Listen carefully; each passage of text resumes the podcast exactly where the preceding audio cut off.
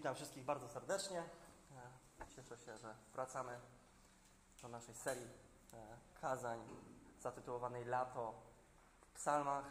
Jest gorąco, w psalmach też jest gorąco i dzisiaj w naszym kościele też będzie gorąco.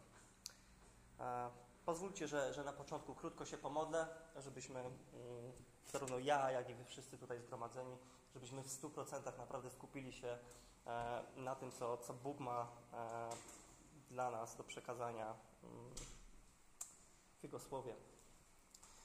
Drogi Ojcze, tak bardzo Ci dziękuję Panie za ten czas. Proszę Cię Panie, e, abyś skupił naszą uwagę na Tobie, na przesłaniu Panie, które dzisiaj dla nas masz. Proszę Cię Panie, abyś otworzył nasze umysły, nasze serca Panie, nasze uszy.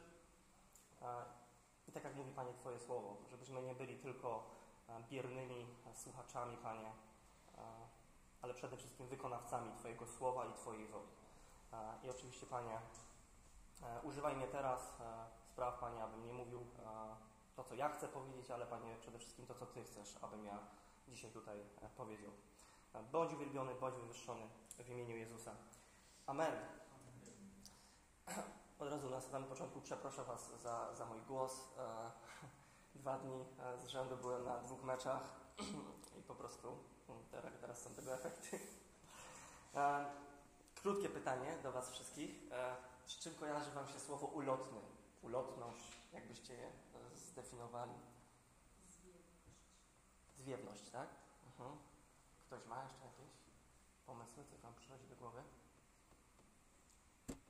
Mhm. Definicja e, ze słownika języka polskiego słowa ulotny e, brzmi następująco. Szybko przemijający, nie dający e, się zachować ani zatrzymać.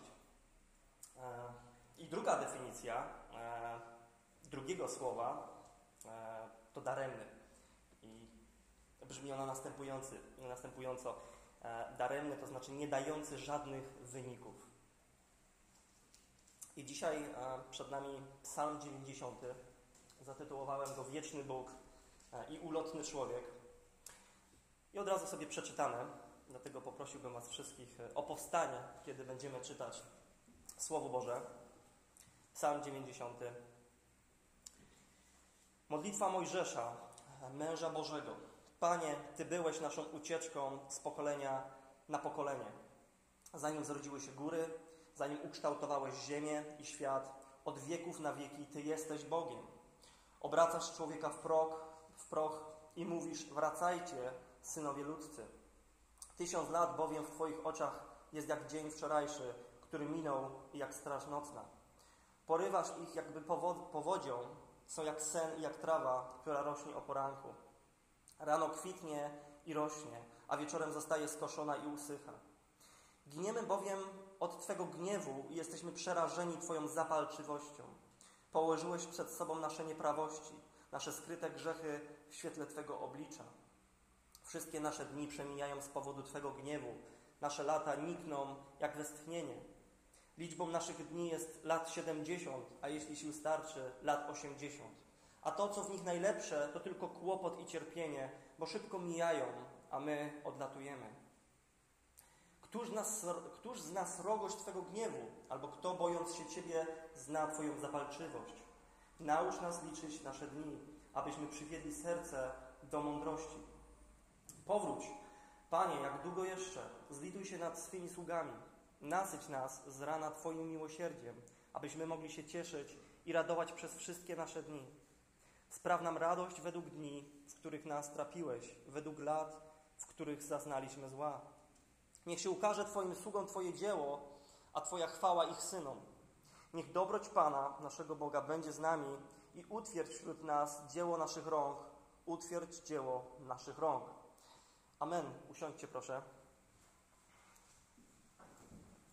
I poproszę od razu, żebyśmy mieli tutaj wyświetlony następny psalm, e, w sensie slajd. Na Jowej pustyni Mojave w Kalifornii znajduje się pomnik który się nazywa da, e, Pomnik Daremności. Tak, tak został e, zatytułowany ten e, monument. I samotny mężczyzna William Burrow Schmidt spędził prawie 40 lat kopiąc tunel o długości ponad 700 metrów w litym granicie, w górach w El Paso we wschodniej Kalifornii. Używając wyłącznie, wyobraźcie sobie, tylko i wyłącznie ręcznych narzędzi i od czasu do czasu małej ilości dynamitu. I Schmidt był poszukiwaczem złota, który osiedlił się po północnej stronie e, góry Copper Mountain. Złoto zostało odkryte po południowej stronie. I myśląc, że może trafić na bogate złoża i że będzie potrzebował drogi przesyłania rudy na drugą stronę, rozpoczął budowę swojego tunelu. I w 1910 roku, gdy tunel był w połowie ukończony, sieć kolejowa firmy Southern Pacific Railroad ukończyła linię przez ten właśnie obszar, co sprawiło, że tunel Schmidta stał się bezużyteczny. Ale do tego czasu tunel stał się jego obsesją. Kontynuował kopanie przez kolejne 28 lat, aż wydostał się na światło dzienne. I posłuchajcie tego, do 1938 roku osiągnął swój cel, przekopując się przez ponad 700 metrów tego litego granitu, używając tylko kilofa, łopaty i czterofuntowego mota do początkowej fazy swojego projektu oraz starannie umieszczając dynamitu z krótkimi lątami dla części większościowej. I oszacowano, że przeniósł ponad 5000 ton skał za pomocą tylko taczki, aby ukończyć swoją pracę. Później eksploatował tunel jako atrakcję turystyczną, aż do swojej śmierci w 1954 roku. Prawie 40 lat zajęło mu zbudowanie bezużytecznego tak naprawdę tunelu przez jałową położoną na uboczu pustynną górę. Co za strata czasu. Co za strata wszystkiego. Ale kto może powiedzieć, że tunel Schmidta był marnotrawstwem jego życia? Człowiek może przecież podbić świat, by umrzeć zaraz po trzydziestce, jak na przykład Aleksander Wielki. I co z tego? Ktoś może zostać sławnym lekarzem, który odkryje lekarstwo na rak. Pomaga więc ludziom przetrwać jeszcze kilka lat, tylko po to, by umrzeć na coś innego. A on również przecież pójdzie finalnie do grobu. I co z tego? I czy kiedykolwiek ogarnęło Ciebie takie poczucie, że życie jest daremne, że życie ludzkie jest ulotne? Bo przecież możesz zgromadzić ogromną fortunę tylko po to, żeby zostać odciętym w kwiecie wieku. Nie możesz go zabrać ze sobą. Możesz pracować przez całe życie z niecierpliwością, czekając na emeryturę, tylko po to, by umrzeć i nigdy się nią nie nacieszyć. Prawie wszystko, w czym pokładasz swoje nadzieje i wysiłki, może nagle zostać zniweczone w jednej chwili. Ale przez co? Przez jednego wielkiego, wspólnego i przerażającego pogromcę ludzkości, jakim jest śmierć. I jak zauważył George Bernard Shaw, on powiedział: Statystyki dotyczące śmierci są bardzo imponujące. I jedna na jedną osobę umiera. Odkrywcze, prawda? W naszej kulturze unikamy myślenia o śmierci. Czujemy się niekomfortowo, rozmawiając o niej. Wolelibyśmy po prostu odrzucić ją na bok z nerwowym uśmiechem e, i zmienić temat ale nie możemy odsuwać na bok e, zbyt długo tematu śmierci. Ponieważ my i wszyscy, których znamy, umrzemy prędzej czy później. I myśląc o śmierci, czy to o śmierci innych, czy o własnej śmierci, musisz zmagać się z pytaniem, w jaki sposób moje ulotne życie może mieć cel lub wartość. No właśnie, co czyni życie znaczącym i wartościowym? Wydaje mi się, że są tylko dwie możliwe odpowiedzi. Jedną z nich jest filozofia hedonistów, czyli jedzcie, pijcie i weselcie się, bo jutro umrzemy. I ten pogląd jest błędny, jeśli zmartwychwstanie jest prawdą. Drugim poglądem, który bierze ten fakt pod uwagę, jest pogląd Biblii, że musimy być prawdziwie i duchowo związani z wiecznym Bogiem, jeśli chcemy, aby nasze ulotne życie miało sens, wartość i znaczenie. I Mojżesz był takim człowiekiem. Był człowiekiem, który był otoczony przez śmierć. Wyprowadził przecież Izrael z ziemi egipskich, by zabrać ich do ziemi obiecanej. Ale z powodu ich nieposłuszeństwa Bóg postanowił, że to pokolenie nie wejdzie do ziemi obiecanej, ale umrze na pustyni. Nawet Mojżesz, który ich prowadził, umarł. Tylko Jozue i Kaleb przeżyli, by wejść do ziemi obiecanej. I jeśli Boży wyrok dotyczył wszystkich dwudziestolatków i starszych, którzy wyszli z Egiptu, i nawet dzieci, to ponad 1,2 miliona mężczyzn i kobiet zmarło podczas 40-letniej wędrówki na pustyni. Na pustyni musiało być wiele grobów, prawda? 1,2 miliona ludzi. I gdy Mojżesz zobaczył tych ludzi, których znał i z którymi pracował przecież przez lata, padających jak muchy, musiał się zastanowić głęboko nad pytaniem, jak to ulotne życie może mieć sens i wartość. Zamiast popaść w rozpacz i cynizm, jak wielu, którzy zastanawiają się nad tym pytaniem, Mojżesz, będąc oczywiście mężem Bożym, został pobudzony do uwielbienia i modlitwy. I właśnie rezultatem jest ten majestatyczny psalm 90. Najstarszy z psalmów e, i jedyny w psałterzu, o którym wiadomo, że został napisany przez Mojżesza. I natchniona odpowiedź Mojżesza na pytanie, w jaki sposób to ulotne, to znaczy trwające krótko życie, może mieć wartość, jest następująca. Nasze ulotne życie może mieć wartość tylko wtedy, gdy żyjemy mądrze przed wiecznym Bogiem. Psalm dzieli się na cztery strofy. Na wieczną naturę Boga, ulotność natury człowieka, gniew Boży z powodu grzechu człowieka jako przyczyna ulotności e, człowieka i modlitwa o Boże miłosierdzie i łaskę pomimo grzechu człowieka. Najpierw chciałbym przyjrzeć się drugiej i trzeciej strofie, które ujawniają dwie rzeczy, które sprawiają, że życie jest daremne z dala od Boga. Następnie przyjrzymy się pierwszej i czwartej strofie, które pokazują, jak życie może mieć sens i wartość, a następnie zakończę kilkoma praktycznymi e, wskazówkami czy lekcjami. Przejdziemy sobie do punktu pierwszego,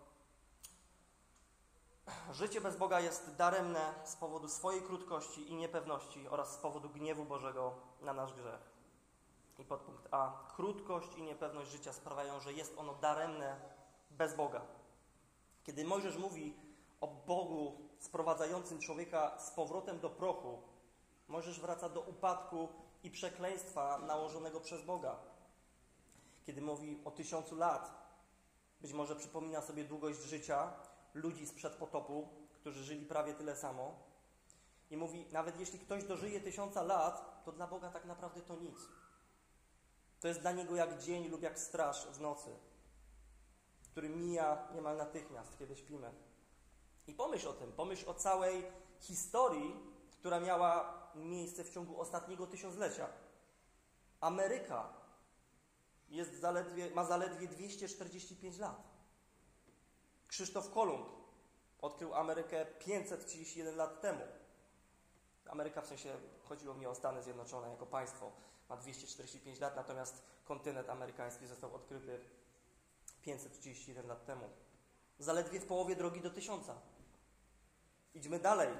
Tysiącletni mężczyzna byłby już w połowie życia, gdy na scenie pojawiła się, pojawił się renesans i reformacja. Dla Boga to tylko mały punkt na horyzoncie czasu. Mamy średnio 70 lub 80 lat, niektórzy trochę więcej, inni trochę mniej. I uważamy, że jesteśmy tacy wspaniali, ale nikt z nas tak naprawdę nie ma pewności, że jutro się obudzi. I możesz opisuje naszą bezradność w obliczu śmierci jako bycie zmiecionym przez gwałtowną powódź, która nagle spada na nas i zabiera wszystko na swojej drodze.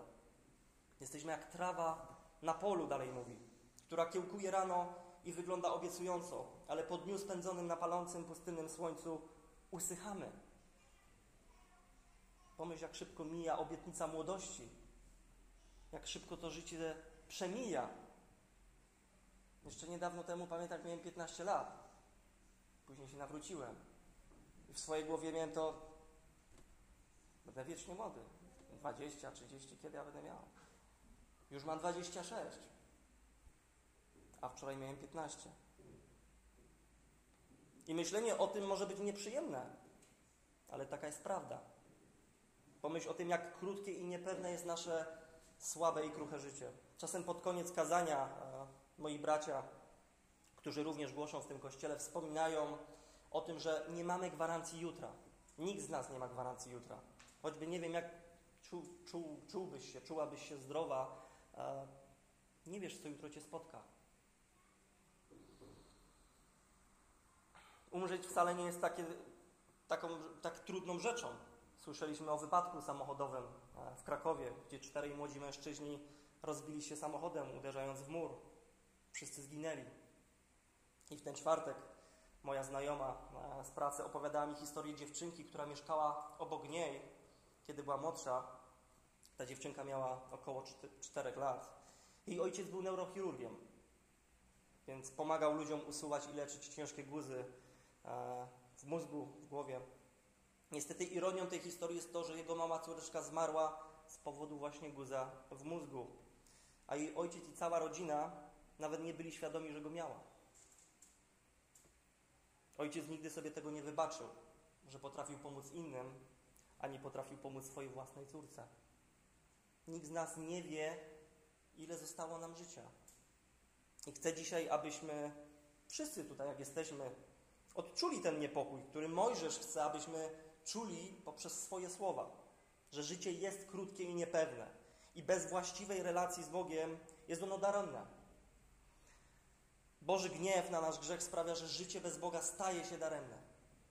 Mojżesz miał przed oczami oczywiście dowód tego, jak życie jest ulotne i daremne. Ludzie umierali jak szaleni. Tak jak mówiłem wcześniej, na 1,2 miliona ludzi umierających w ciągu 40 lat 30 tysięcy umierało każdego roku. Oczywiście statystycznie przy równomiernym rozłożeniu. To około 82 zgony dziennie. Tak się też nie, nie, nie, stało do końca, ponieważ w niektóre dni z powodu buntu i grzechu zginęło tysiące ludzi, jak czytamy w Księdze Liczby choćby nawet. Padło nawet chyba około 28 tysięcy w jeden dzień. Mojżesz widział wiele trupów i wskazuje, że śmierć jest skutkiem gniewu Bożego na nasz grzech. Ludzie mówią, że śmierć zawsze była i jest po prostu naturalną częścią cyklu życia, że wszystkie żywe istoty umierają, więc powinniśmy po prostu to zaakceptować jako coś normalnego i żyć swoim życiem. Ale to jest humanistyczne kłamstwo, które minimalizuje grozę śmierci i lekceważy jasne nauczanie Biblii, że śmierć weszła na ten świat jako bezpośredni Boży sąd nad grzechem rodzaju ludzkiego. Rzeczywistość śmierci powinna skłonić też ludzi do stawiania czoła rzeczywistości ich grzechu i faktu, że wkrótce staną przed świętym Bogiem. W naszych czasach ogólnie mamy taką tendencję do minimalizowania grozy gniewu Bożego. W naszych wyrafinowanych naukowych czasach zawstydza nas sugerowanie, że choćby nawet epidemia AIDS może być gniewem Bożym na niemoralność naszej ziemi. Wolelibyśmy postrzegać to jako problem medyczny, który nauka może rozwiąże za, za kilka lat. Ale kiedy Mojżesz kon, kontemplował nad plagami, które Bóg zsyłał na, na Izrael, woła w jedenastym wersecie, któż zna srogość Twego gniewu, albo kto bojąc się Ciebie zna Twoją zapalczywość. I być może niektórzy z Was e, czytaliście słynne kazanie Jonathana Edwardsa, Grzesznicy w rękach rozgniewanego Boga. Jeden ze znanych ateistów potępił Edwardsa jako okrutnego sadystę, który czerpie ogromną przyjemność ze straszenia ignorantów rzekomymi okropnościami piekła. Ale myślę, że Charles Spurgeon miał rację, kiedy powiedział, że żaden poeta ani prorok nie może posunąć się za daleko w opisywaniu okropności piekła. Powiedział raczej, wyświetlimy sobie ten cytat, gniew, który ma nadejść, jest raczej umniejszony niż wzmocniony w opisie przez ciemne linie ludzkiej wyobraźni. Zagłusza słowa, pozostawia wyobraźnię daleko w tyle.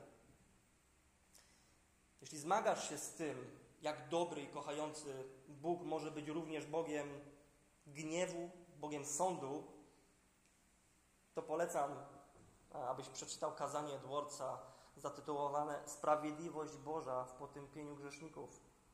Pokazuje on, że nasz problem z piekłem wynika z faktu, że mamy zbyt niskie mniemanie o Bogu, a zbyt wysokie mm, o sobie.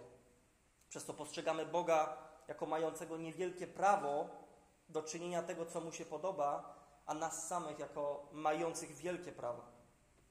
Edwards uniewinnia Boga i pozostawia cię leżącym w prochu, badając Twoje serce, aby upewnić się, że nie jesteś pod Bożym potępieniem.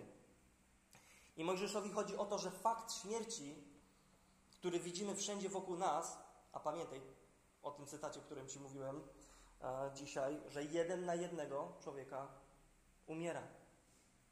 Czyli wszyscy.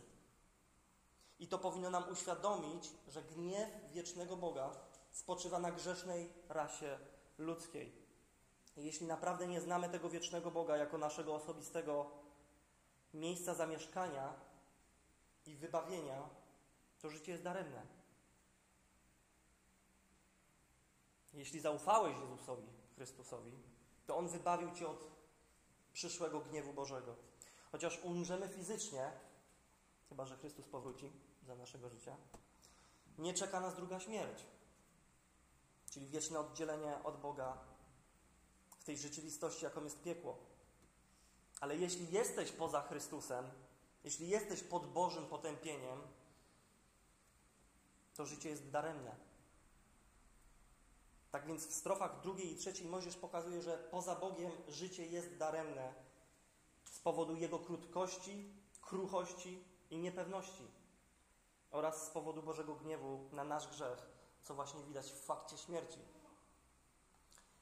Ale psalm nie pozostawia nas y, oczywiście tylko w rozpaczy. Pierwsza i czwarta zwrotka pokazują, że nasze ulotne życie może mieć sens i wartość. I dlatego przejdziemy sobie teraz do, do punktu drugiego.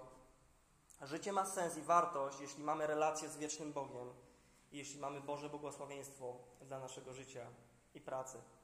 I pierwszym naszym podpunktem jest podpunkt A. Relacja z wiecznym Bogiem nadaje życiu sens i wartość. Mojżesz kilkoma e, zręcznymi pociągnięciami maluje obraz wieczności Boga.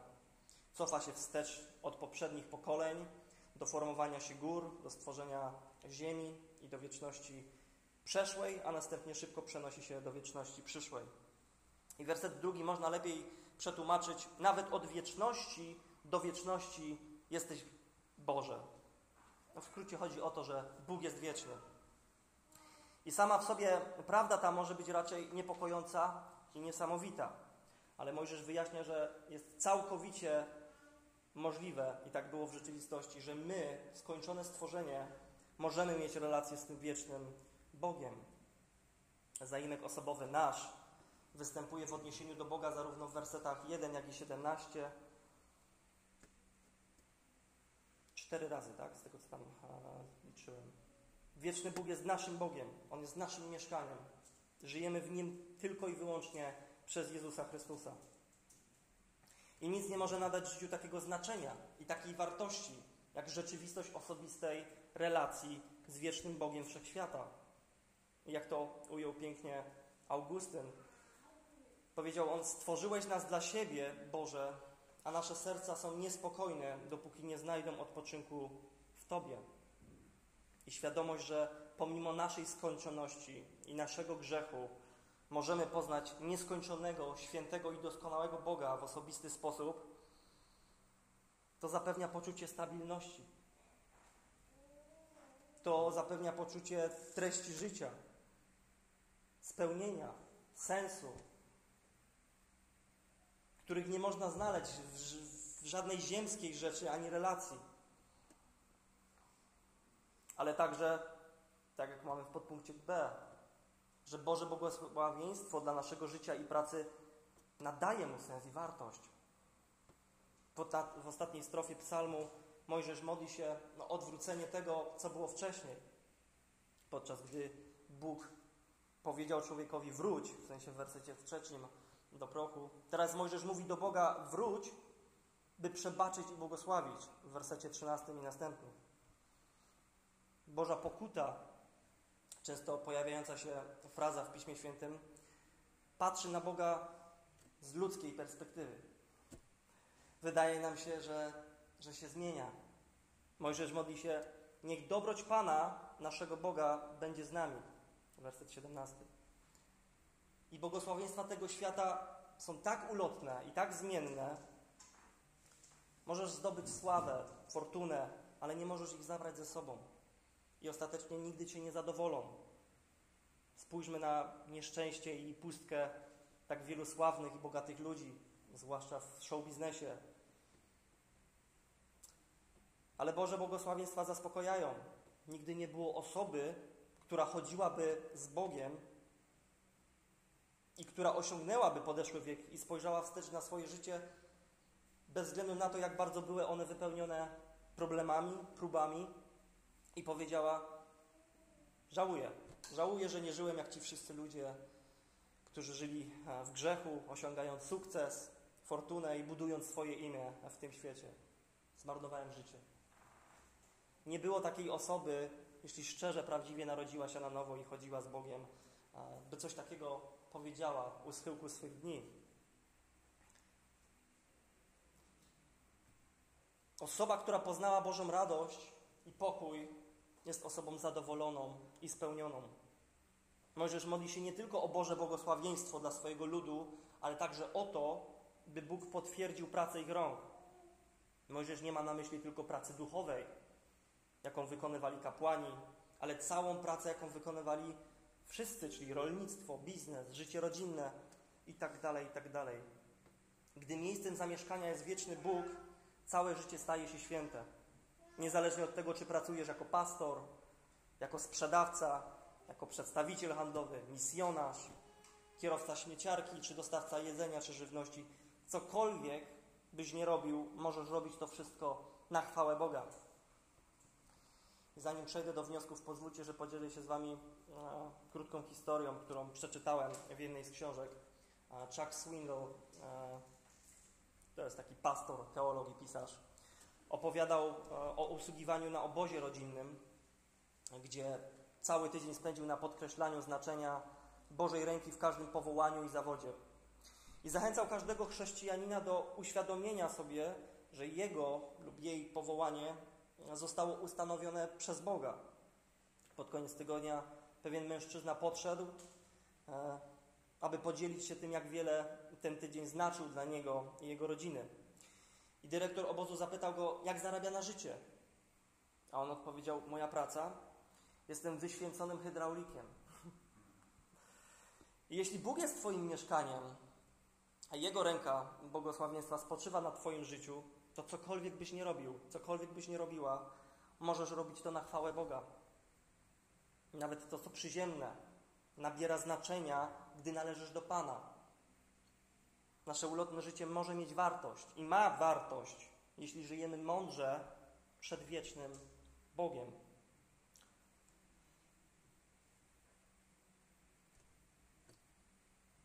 Zakończę, pozwólcie, trzema praktycznymi lekcjami z tego psalmu, o których mówiłem na samym początku. Numer jeden. Żyj w świetle wieczności. Mojżesz modli się w wersecie 12. Naucz nas liczyć nasze dni, abyśmy przywiedli serce do mądrości. I pewnego dnia przedstawisz coś Bogu.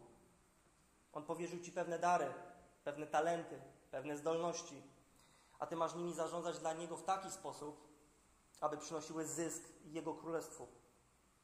Hebrajski czasownik w wersecie 12 jest tym samym słowem, którego użyto w Księdze Rodzaju w odniesieniu do ofiar Kaina i Abla. Co zaoferujesz Bogu, gdy On zażąda od Ciebie rozliczenia? Pamiętaj, że to ten, który miał tylko jeden talent, zakopał go i został skarcony przez swego Pana. Nieposiadanie największych zdolności nie jest usprawiedliwieniem dla ich niewykorzystywania. Jakiś czas temu też znalazłem bardzo ciekawy wywiad e, z Jerem e, Falwellem. Tak, Matt? Dobrze się to czyta? Falwell? No, maybe. Who knows? Gdy był on szefem e, Moral Majority, była to taka amerykańska, organizacja polityczna powiązana z chrześcijańską prawicą i partią republikańską. I był on też tam prezydentem Liberty University i pastora i pastorem był kościoła liczącego ponad 15 tysięcy członków. I prowadzący wywiad zapytał go, za co chciałby zostać zapamiętany. Jego notowania wzrosły e, w górę, gdy powiedział pobożny mąż, ojciec i pastor. W tej kolejności. Nie dał się ponieść światowemu uznaniu, mimo że był popularny. Żył w świetle tego, że pewnego dnia stanie przed Chrystusem. I drogi bracie, droga siostro, staraj się prowadzić wszystko, co robisz w swoim życiu i służbie w świetle celu, jakim jest usłyszenie pewnego dnia, jak Jezus mówi do ciebie: Dobrze, sługo, dobry i wierny. Tak jest. Dwójeczka. Pracuj dla wieczności, a nie przemijalności. Jest tak wiele rzeczy, na które pracujemy, a które nie pozostają, prawda? Wiem, że potrzebujemy pewnej ilości doczesnych e, rzeczy, czy tam dóbr, aby wygodnie żyć i, sprawnie funkcjonować w naszym współczesnym świecie, ale nigdy nie zapominajmy, że świat przemija, jak i jego porządliwość. Kto zaś wypełnia wolę Bożą, trwa na wieki, mówi pierwszy Jana 2,17. Jedynymi rzeczami, które Bóg zamierza odzyskać z tej planety, są Jego Słowo i Jego lud. A jednak tak często cenimy rzeczy ponad Słowo Boże i ponad nasze relacje z ludźmi. Pamiętajmy o tym, co napisał Paweł w świetle prawdy o zmartwychwstaniu. Przeto, bracia moi umiłowani, bądźcie wytrwali i niewzruszeni, zawsze pełni zapału w dziele pańskim, wiedząc, że trud wasz nie jest daremny w Panu. 1 Koryntian 15:58. Dzieło Pana obejmuje Jego słowo i Jego lud. Skieruj tam swoje wysiłki, a nie będziesz rozczarowany. I numer trzy. Unikaj marnotrawstwa wynikającego z grzesznego życia. To jest bardzo ważne. Izrael został pochłonięty przez Boży gniew z powodu ich nieposłuszeństwa. Grzeszne, samowolne życie zawsze prowadzi do marnotrawstwa. Chociaż ci, którzy są w Chrystusie, nie muszą się obawiać Bożego potąpienia, to musimy bać się Pana i unikać grzeszenia. Prawo siania i zbierania z Galatian ma zastosowanie nawet pod łaską. Nie daj się zwieść, że grzech zawsze ma negatywne konsekwencje w naszym życiu. Bo zawsze tak jest.